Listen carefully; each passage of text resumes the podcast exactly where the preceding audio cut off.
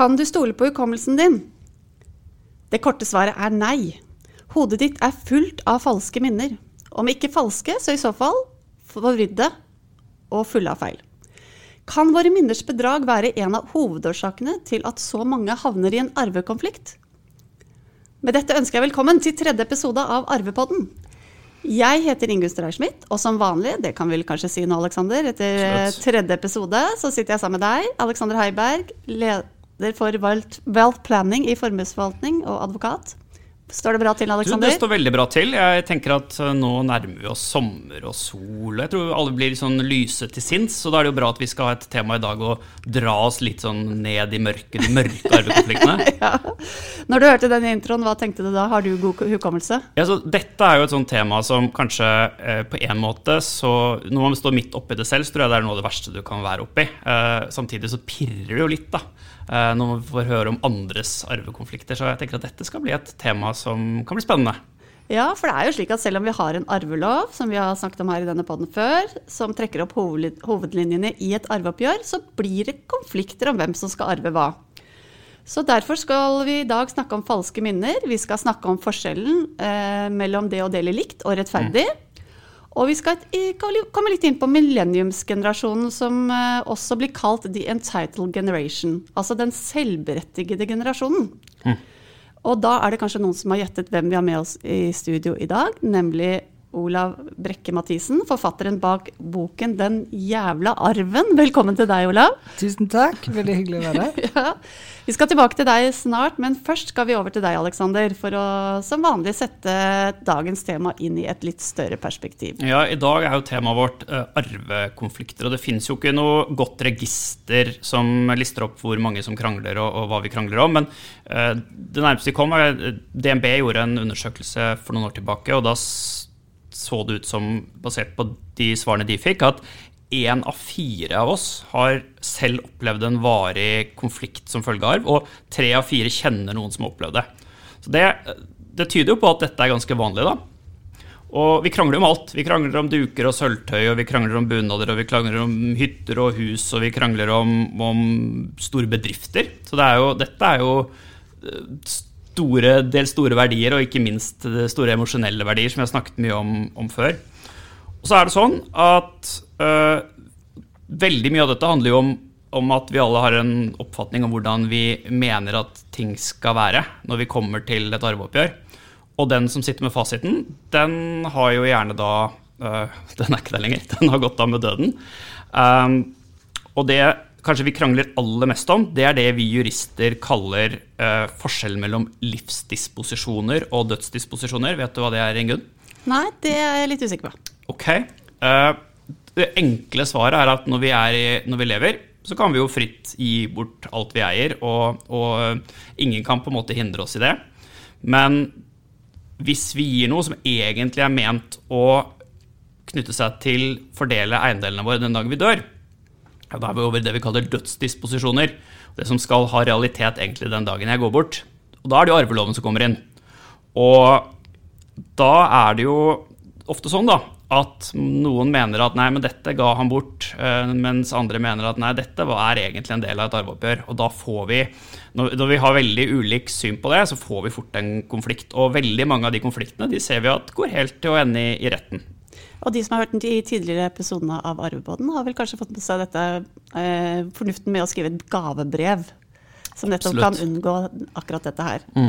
Men du, hvor mange konflikter er det som havner i retten da, i løpet av et år? Eller? Vi har ikke noe gode tall på det heller. Eh, men, men, det er nok bare et resultat av at veldig mange For det første er det veldig mange arveoppgjør som skjer nå. Altså det er jo store verdier. Vi står jo midt i denne arvebølgen, hvor, hvor, store verdier går fra en generasjon til den andre.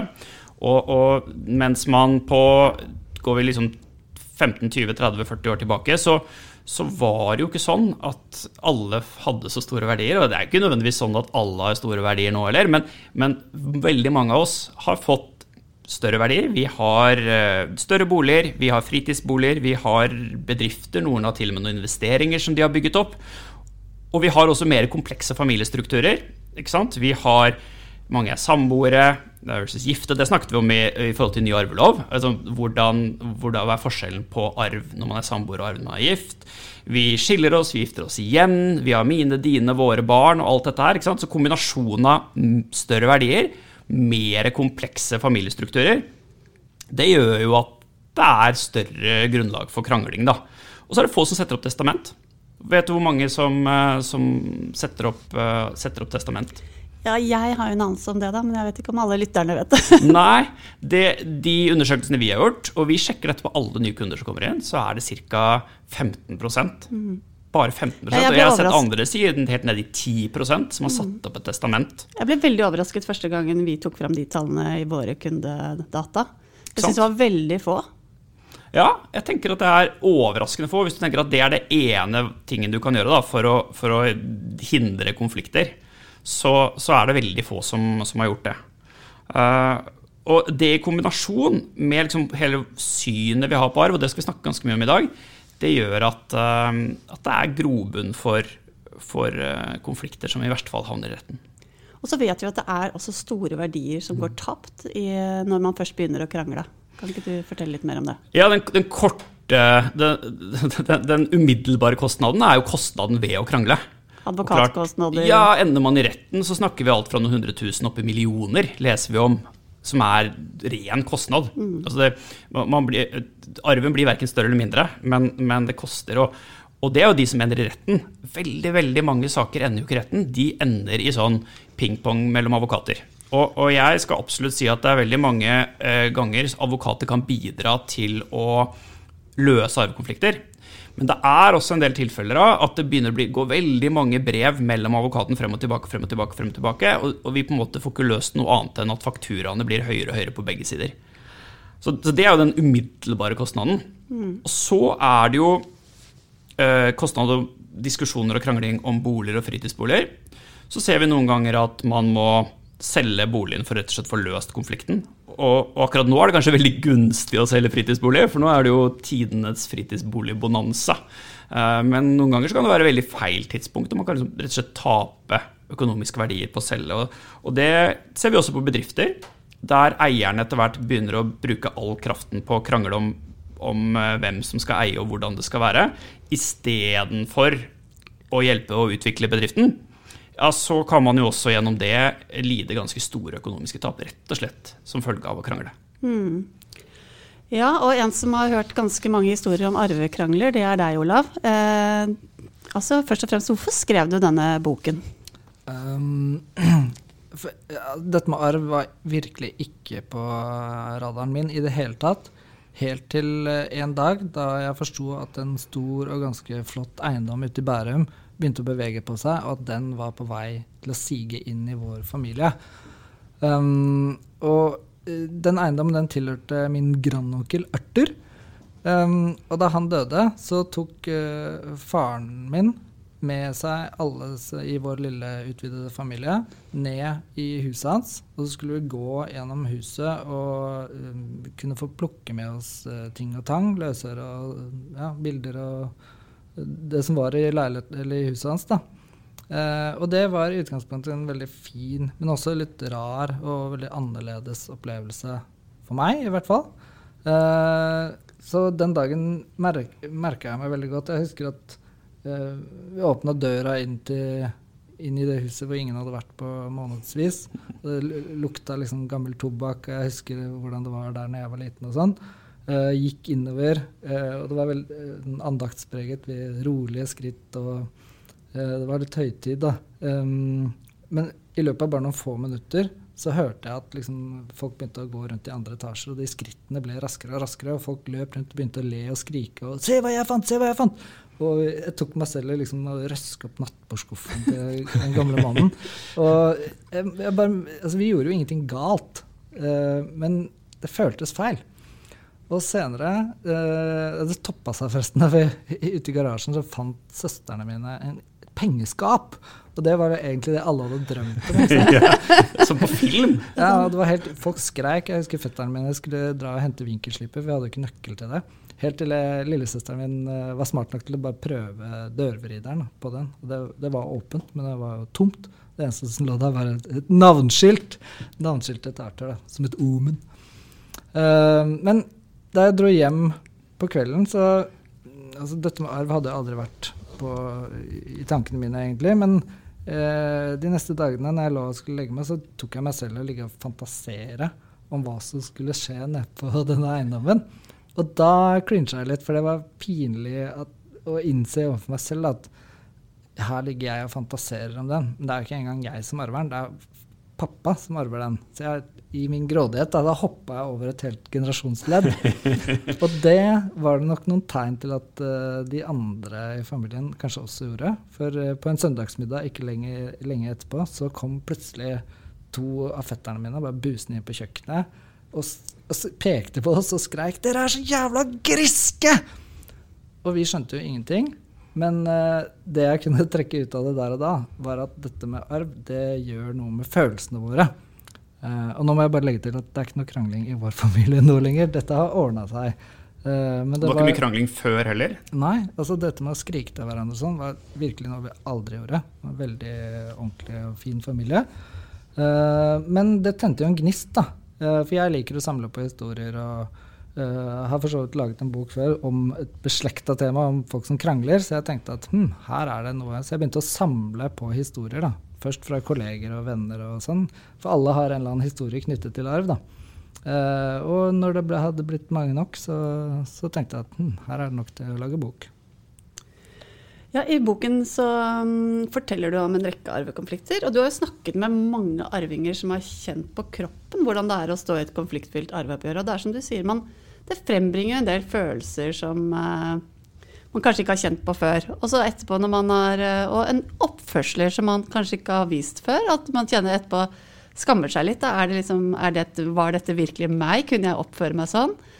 Men uh, når du har snakket med alle disse personene, hva, du, hva er det du har trukket ut av uh, disse historiene? Hva er det viktigste lærdommen du har gjort? Det, det er nok mye forskjellig, altså. Uh, litt ettersom hvem jeg snakker med. Hvis man snakker med unge folk, så har de, de er på et helt annet sted i livet enn en de som er eldre.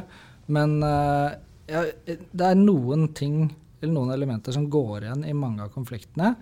Og et av de, det er Dette er kanskje litt særnorsk, at vi bruker uh, begrepene likhet og rettferdighet om hverandre mm. hele tiden.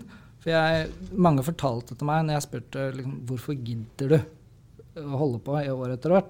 Og da var det flere som svarte at jeg, jeg, jeg er ute etter rettferd. Og så har jeg ikke helt skjønt om det er kampen mot urettferdighet eller for rettferdighet. Men uansett, da, så er dette rettferdighetsbegrepet det er en utrolig kraftig driver i alle konfliktene. Uh, og det går helt uh, inn i det primale hos uh, ikke bare hos mennesker, har jeg funnet, men hos, også hos alle avanserte pattedyr. Da. For dette med rettferdighet, det er, det er en sans som, som, alle er født med. Og den kan du se selv hos små barn som ikke har lært å snakke engang. Du kan jo se for deg Hvis du skal dele liksom, godteri mellom barn, så er de veldig opptatt at det skal være likt. ikke sant? Så vi har det forskerne kaller inequality aversion Altså vi, vi, vil ikke at det skal være ulikt. Samtidig så, uh, så er vi også mottakelige for at um, uh, vi kan tolerere ulik fordeling hvis grunnen er god. Hvis du tolererer grunnen, hvis den er plausibel, om du vil. Da. Og det, mm. det, kan også barn skjønne. Uh, F.eks. la oss si du skal dele Simon i tre asjetter til tre barn. Så får du høre at én har jobba litt mer i sandkassa enn de andre, Det er greit. De kan godta at han får en seigmann til. da. Men hvis en av de prøver å liksom snike den seigmannen til seg, altså jukse, mm. da blir det full krig. Og disse følelsene de kan du bare projisere rett over på voksne. Det er akkurat de samme følelsene og mekanismene som driver oss. Og så er det, det er gjort masse forskning i, i, i moderne tid på hva hvorfor denne rettferdighetssansen er uh, hvorfor den påvirker oss så sterkt. Og det er, det er, masse forskjellige teorier om det, og jeg er jo ikke noen fagperson. Men uh, det de fleste kan enes om, da, er at alle avanserte primater og mennesker uh, eh, som, er, som er ment for å leve i store grupper, de er nødt til å samarbeide. Og for at du skal klare å samarbeide i store grupper, så er du nødt til å ha en slags indre regnskapsfører som, fører, eh, eller som holder oversikt med hvor mye du legger i av innsats, eller hvor mye du legger i det felles matfatet, og hvor mye du tar ut. Hvor mye du jobber i sandkassen i forhold til hvor mange seigmenn du får. ja, det, ja, det, kan du godt si. Og så er det sånn at uh, Og denne rettferdighetssansen, hvis den uh, det, La oss si den holder oversikt med alle, alles aktiviteter og sånn, men hvis, den, uh, hvis det regnestykket da ikke går opp, så du får ikke output i form av tall, du får bare en følelse. Og følelsen, den følelsen av urettferdighet den er det samme uansett om du sitter med ni nuller på konto, eller om du befinner deg på et helt annet sted i verden. Ja, så er det vel sånn eh, at du eh, Vi hadde vel ikke vært der vi var i dag hvis ikke vi hadde hatt en rett, eh, hvis ikke vi hadde hatt en rettferdighetssans som går i vår favør. For du hadde vel ikke ja. overlevd hvis du hadde hatt en rettferdighetssans som går i din disfavør? Nei, nei, altså vi er ikke født med sanser som, uh, som leder oss i feil retning. Så de som har en rettferdighetssans som ikke, uh, ikke gir deg en fordel, uh, de menneskene de er jo sortert ut av, i, av evolusjonen. men det, det, som er viktig å ha i bakhodet, Uh, la oss si det er tre søsken som sitter rundt et bord og skal fordele. Så vil deres rettferdighetssans trekke i hver sin retning. Og det, et, uh, det kan være litt vanskelig å ta inn over seg, rett og slett. Fordi denne rettferdighetssansen den føles veldig riktig, men det er ikke en objektiv sannhet. Den er veldig subtil. Ja, det er, det er to forskjellige ting, da. Og så, ja, kort oppsummert, likhet og rettferdighet er to forskjellige begreper men folk har en tendens til å blande de. Men du kan ha eh, Nå må jeg tenke Du kan ha eh, rettferdig ulikhet. Det vil folk godta. Men de vil ikke godta eh, uli... du kan ha rettferdig ulikhet, men ikke ulik rettferdighet. rettferdighet. Mm. Og da, det bringer oss over på denne Nei, ur, urettferdig likhet. det, dette var ganske uh, komplisert, men jeg tror mange kjenner seg litt, litt igjen for det. Og, og, og, det er jo den også Jeg tror ofte at uh, en ting er med å blande begrepene, men man blander det jo også når man uh, kjenner på den følelsen. Fordi at man, man tenker at dette er kanskje objektivt sett likt, og likevel så oppleves det som ulikt. Ja. Fordi at uh, det at man får kanskje det samme La oss si man, man, gir barna sine det samme beløpet, men barnas behov er så ulike at det beløpet kan hjelpe et barn veldig mye og et barn veldig lite, så føles det likevel ulikt. Uh, og det, det, gjør jo dette her enda mer komplisert. Ja, og det er uh, ingen ende på hvor mange dimensjoner det er i dette. Og, Flere bøker er det mulig å skrive på her. ja, det kan det godt være. Uh, men uansett, da. den intensjonen som du er inne på, da, fra f.eks. For foreldrene, den kan også være med å forstyrre det her. fordi der kan man ha en idé om at man vil det skal være likt, for det er fint å si. ikke sant? Og man regner med at folk vil ta det godt imot. Men responsen kan jo være negativ, selv om du har en eh, positiv, sjenerøs eh, inngang på det. Mm, for nettopp det, føles, det like føles ikke rettferdig. Og det, det, da skal jeg få lov å si det jeg skulle si i stad. Og det, for det bringer oss over til neste tema, som eh, har en stor påvirkning på dette med rettferdighet, nemlig dette med falske minner.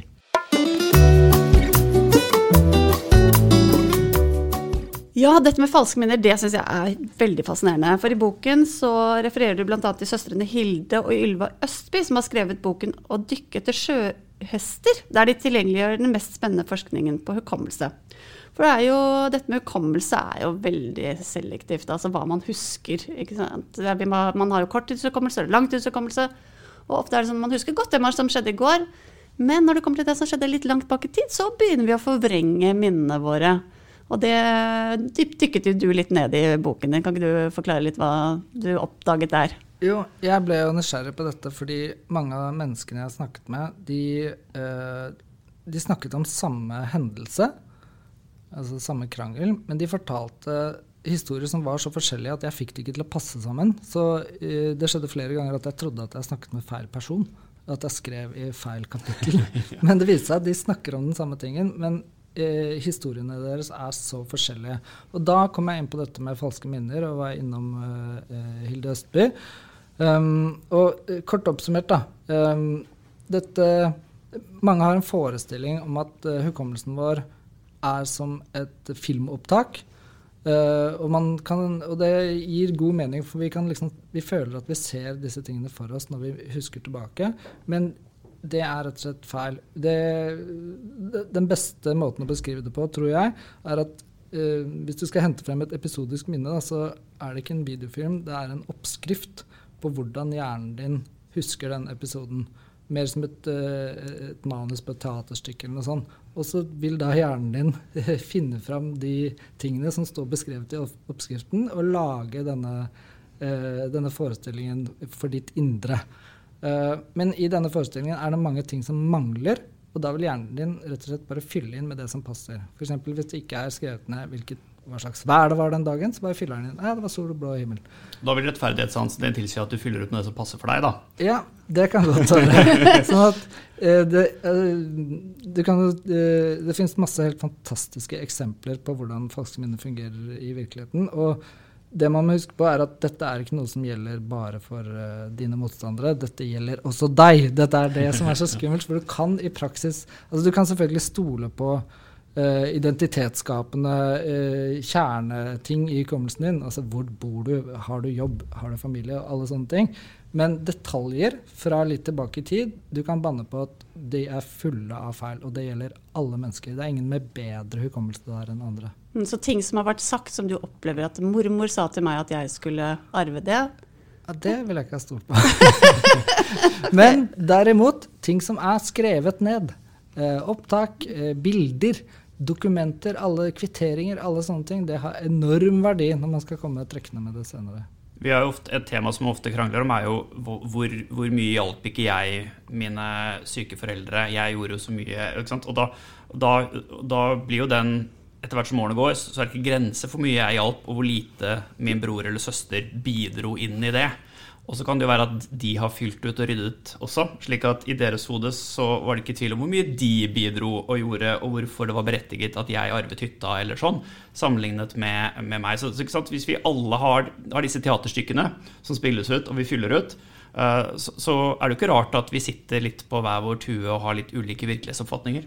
Nei, og ja, helt riktig. Og du uh, i sånne arvesituasjoner, da, gjerne etter et dødsfall, sånn, så, så, er det mange som oppsummerer hele livet sitt. ikke sant? Men full, da kan du banne på at den oppsummeringen er full av feil. Men i tillegg så har du ikke oversikt over hva som har foregått i de andres liv. Så at selv om du kanskje føler at du har bidratt mer på et eller annet område, at du har klipt gresset på hytta så og så mange ganger, så du har jo ikke noe objektiv fasit noe sted. Men den følelsen, den er veldig riktig. Du føler dette, og, og det må man være klar over at uh, Hva skal jeg kalle det? Uh, de som sitter rundt bordet og diskuterer med deg, eller argumenterer, de vil antageligvis ha akkurat den samme følelsen inni seg, at de har rett, og de husker ting riktig. Også samtidig, som du også beskriver veldig godt i boken din, dette, når man er i en sorgprosess rett etter et dødsfall, så har man kanskje man er i en sorg, man har sovet dårlig, det er mye følelser. Og så skal man på en måte plutselig oppsummere en innsats man har gjort for den som er død, på veldig kort tid, og så og I tillegg så er jo de fleste amatører. Det er, noen, ja. uh, altså, det er to faktorer til. Vi er alle, eller De fleste av oss er amatører i sånne situasjoner. fordi folk lever jo så lenge i dag. at Man blir jo gammel før eller De aller fleste er så heldige at de blir gamle før de havner i et arveoppgjør. Og det er jo en bra ting. Men uh, samtidig så er det jo sånn at når du gjør ting første gang, så gjør du det antageligvis ikke så veldig bra. Um, og det gjelder ikke bare arveoppgjør. Pluss disse tingene du nevnte. Uh, dødsfall og arveoppgjør er ofte forbundet med sorg og et sånn litt uheldig tidspress. Plutselig det, blir du kasta inn i nye uh, prosesser. Uh, ting må gjøres så og så fort. Man skal ha klarhet til ting. Kanskje det er noen som begynner å hviske og tiske om bruk av advokat osv. Så, videre, så det er et voldsomt press. da. Pluss samboer og alt sånt som begynner å legge seg opp i dette. Så um, ja, uh, det er mange ting man skal Jeg tror man kan komme bedre ut hvis man bare har vært overfladisk innom disse tingene vi snakker om nå, sånn at, sånn at man har det i bakhodet. Ja, så Det tenker jeg oppsummerer akkurat dette med falske minner. Det, er, ja. det, det gjelder ikke bare de på motparten av motsatt bord, det gjelder også deg. Så ha det i tankene når du uh, går inn og diskuterer og legger din innsats på bordet. Det kan være at du husker ikke helt riktig. Riktig.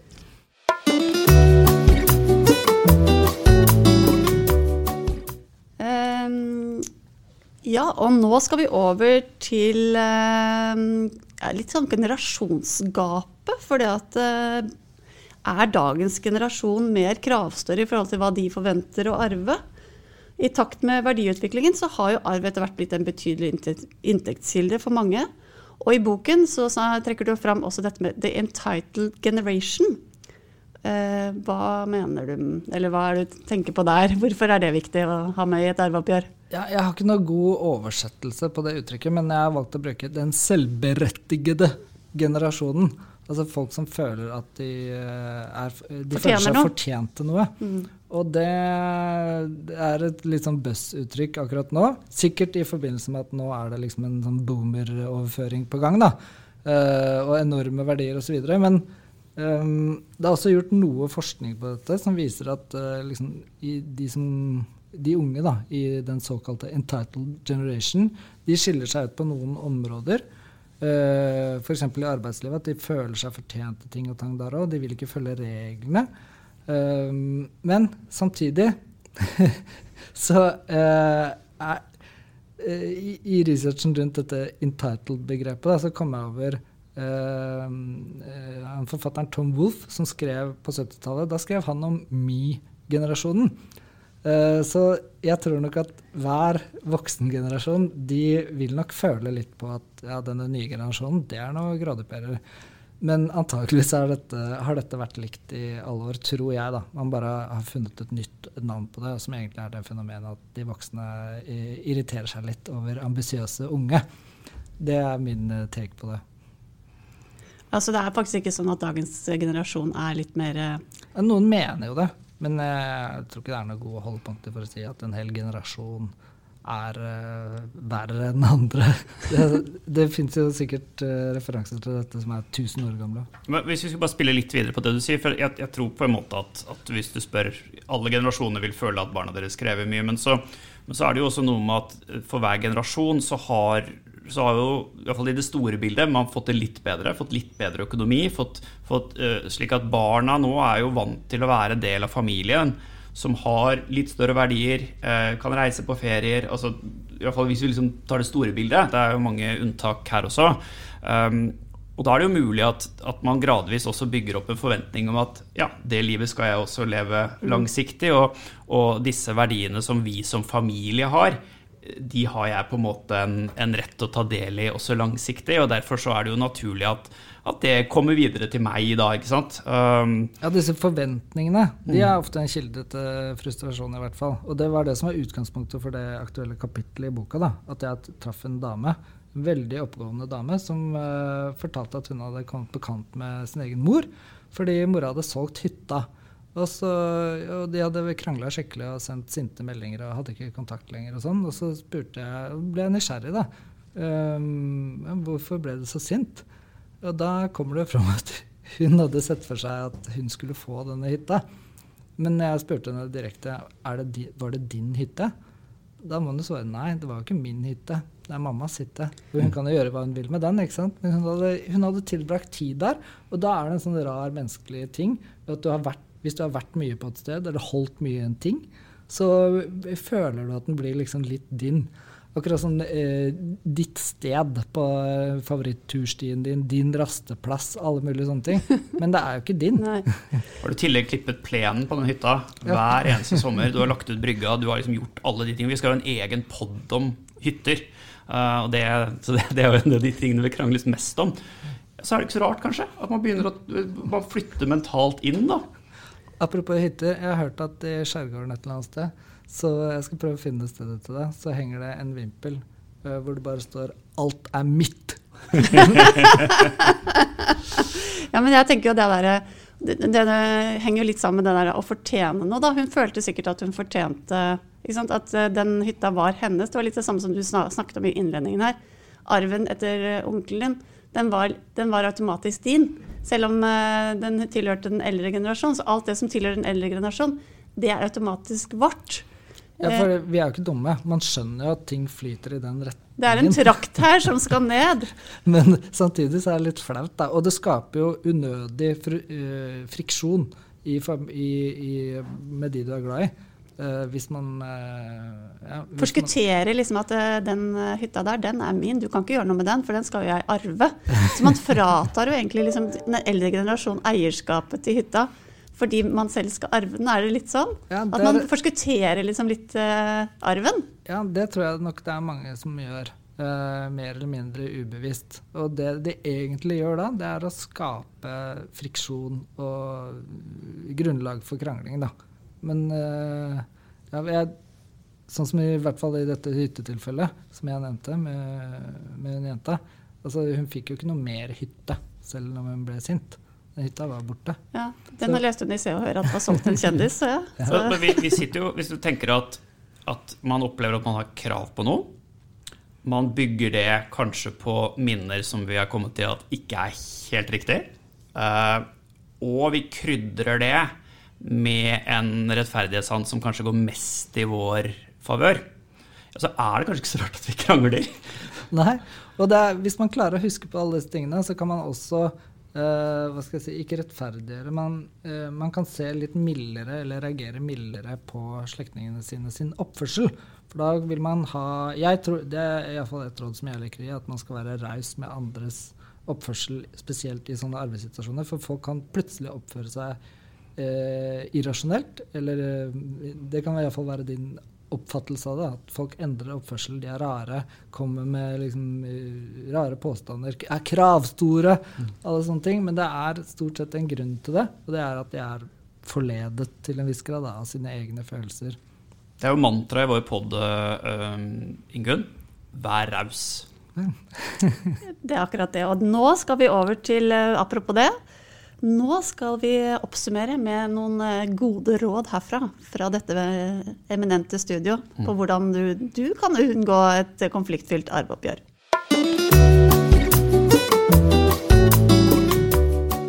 Ja, Aleksander. Eh, vi, eh, vi, er veldig glad i å gi råd her vi i podden. Vi elsker å gi råd. Skyter fra hofta. Og i boka di, Olav, så har du oppsummert 13 eh, råd for å unngå snurpemunn, som du sier. vi har også tatt med oss noen av disse rådene for å unngå snurpemunn. Vi har uh, shortet den ned til seks. Uh, og Aleksander, kan ikke du ta oss litt igjennom disse rådene vi tenker kan være viktig å ta med seg på veien? Jo, vi har jo et et råd, og det, nå har jeg kanskje allerede i denne poden argumentert litt sånn mot det, men, men det å, å, å, bruke en ekspert, eh, litt sånn advokatråd, det, det, kan jo være nyttig. Jeg vet ikke, Hva er din refleksjon rundt det, Olav? Jeg tror det er smart. Man skal bare, bare Men det er viktig å være bevisst på hvordan du introduserer Hvis du skal ha med andre i samtalen, da, hvordan introduserer du dette? Fordi eh, hvis man kommer drassende med Ja, hei sann, her er advokaten min, forresten. Han skal være med på samtalen i dag. Da kan, man, da kan du signalisere at her blir det krig. Mens det du egentlig ønsker, da, det er å, å ha med en ekspert som kan gi deg gode råd og, føre deg i riktig retning. Så øh, hvis man bare klarer å få det til at dette blir et felles initiativ, og søke ekspertise da, ja, Han er ikke bare bak min rygg, han er bak alles rygg. Han skal hjelpe oss, ja. ikke meg. Det tror jeg er en kjempefordel. Og det eh, kan jeg um, jeg, kan, jeg, kan, se antydninger av dette i uh, et tallmateriale i en undersøkelse som jeg har laget. Og der viser det seg at de som har noe høyere inntekt og høyere utdannelse, de krangler faktisk mindre enn de andre. Uh, og Nå står det ikke noe konkret om grunnene, men jeg tror grunnen er at de menneskene de er rett og slett flinkere til å søke råd og hente hjelp hos eksperter. Ja, da har vi snakket om ett råd, som er å bringe noen til bordet. Og så er jo et annet råd, som du også har i boken din, det er jo å sørge for å ta noen bort fra bordet. Og da er det kanskje ikke minst disse ektefellene og samboerne som gjerne har ganske sterke meninger om hvordan dette bør gjøres. Ja, jeg, jeg, kaller det jokeren i alle sånne uh, situasjoner. Da. Fordi um, Tilbake til det vi snakket om med rettferdighet og uh, ulik rettferdighet, f.eks. Så jeg tror tre søsken de kan godt godta litt uh, noen små forskjeller i fordelingen. La oss si du har et søsken som trenger litt mer hjelp, eller har fortjent litt mer. De har klippet mer gress eller tatt vare på de gamle, eller et eller annet. Vi, vi ville godtatt den skjevfordelingen. Men din partner, eller en av deres partnere, de er ikke interessert i den eh, rettferdiggjøringen der. De har ikke så høy tak i det. Nei, for de ser bare matematisk på det. ikke Ja. sant? Hva? Er det forskjellige summer? Skal hun få mer enn deg? Og da plutselig har du en, en, en i livet ditt da, som du stoler på, eller som du er veldig nær, som plutselig utøver et voldsomt press på at du skal liksom, endre fordelingen i en eller annen sammenheng. Så eh, det er vel et generelt godt råd som jeg tror du får av alle som har kjennskap til det her. Hold samboere og koner og partnere unna. Da har du kanskje bare, Det er lettere å ha én arena å slåss på, tenker jeg. At du skal slåss liksom både med søsknene dine og du skal slåss med ektefellen, og så ender du med at ingen av de er fornøyd, og du sitter der som store taperen. Det, det høres ut som en situasjon å unngå. Eh, Et råd tre eh, Det handler kanskje litt om å ikke henge seg opp i de eh, tingene, de der småtingene. Ikke henge seg opp i liksom små løsøre som, som er litt sånn duker og stoler og ikke sant? At Man kan jo krangle om høyt og lavt. Ja um, Jeg vet ikke helt hva jeg skal si om det, men uh, uh, altså, Vi har jo begrensa tid her på jorda, så hva uh, det, er, det blir en prioritering, da. Hva skal du bruke tiden din på? Skal du argumentere om de minste tingene som aldri har tilhørt deg? Og det, altså, folk blir veldig emosjonelle i sånne situasjoner, så de kan bruke tid og krefter og legge seg ut med nær familie for ting som antageligvis havner på loppemarked senere. Da. Er, Typisk bestikk og Ja. sånne ting. affeksjonsverdi er vel, en, eh, er vel ofte mye større enn den virkelige verdien. Det vi i denne poden gjerne kaller bodfyll, det er på en måte en ganske stor del av kranglingen. Uh, og så er det et råd som jeg tenker er så enkelt å si og så vanskelig å gjennomføre, og det er snakk sammen. Ja, og den samtalen den kan jo godt begynne så tidlig som mulig. Og ser også trekkene til det i, i de familiene som unngår eh, langvarige eller betente konflikter. Da. Det er de som starter tidlig. Eh, og så eh, kan det også være greit å vite at eh, kanskje man ikke finner den optimale løsningen eller fordelingen på den søndagsmiddagen. Men hvis man bare Plante frøet. ja, plante frø, eller åpner den samtalen og sier at dette skal vi snakke om de neste fem åra. Hva skal vi gjøre med hytta? Skal vi bygge en hytte til eh, på tomta, sånn at eh, alle får hver sin? Eller skal vi selge og dele pengene osv.? Vi trenger ikke bestemme oss nå, vi kan, eh, men vi må snakke om det. Så, så bare man åpner opp for den samtalen, det tror jeg er kjempebra. Og så er det et råd som jeg tenker at, eh, at eh, nesten står på egne ben, og det er jo hva kan du eh, i tillegg til det gjøre som arvelater? Og det er jo skrive testament. Ja. kan lande på det. Ja. Um, det, det sjette, sjette rådet, ja, det Ingunn, det vil jeg egentlig si at er mantraet vårt. Det er det. Vær raus. Vær raus med hverandre. Da, da unngår man mange konflikter. Ja, det støtter jeg fullt ut opp om. Vi snakka jo litt om det tidligere. Men Uh, bare for å repetere, dette er kjempeviktig. Og du kan godt være raus med deg sjøl òg, men viktigst av alt med andre. Altså Hvis du unngår å respondere på et, et utbrudd fra et familiemedlem, da, så tror jeg du kan vinne mye på det. Fordi i sånne situasjoner, spesielt rett etter et dødsfall, så må man rett og slett tillate at folk eh, hever stemmen, skriker, kanskje sender en melding de angrer på. Men akkurat der og da så er følelsene helt utapå, og folk både sier og gjør eh, ting de senere antageligvis vil eh, ønske å trekke tilbake. Men det blir mye vanskeligere hvis du da har respondert fiendtlig.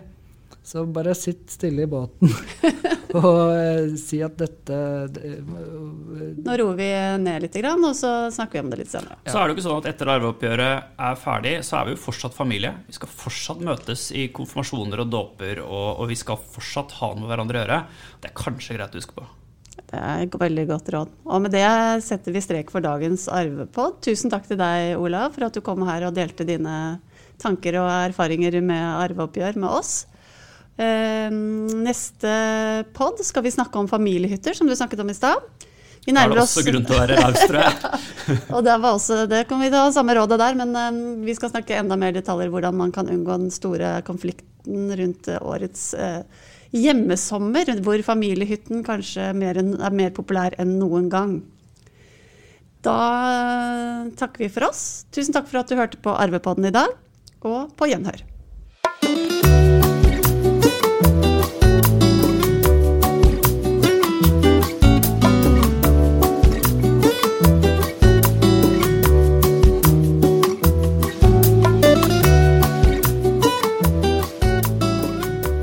Podkast fra Formuesforvaltning.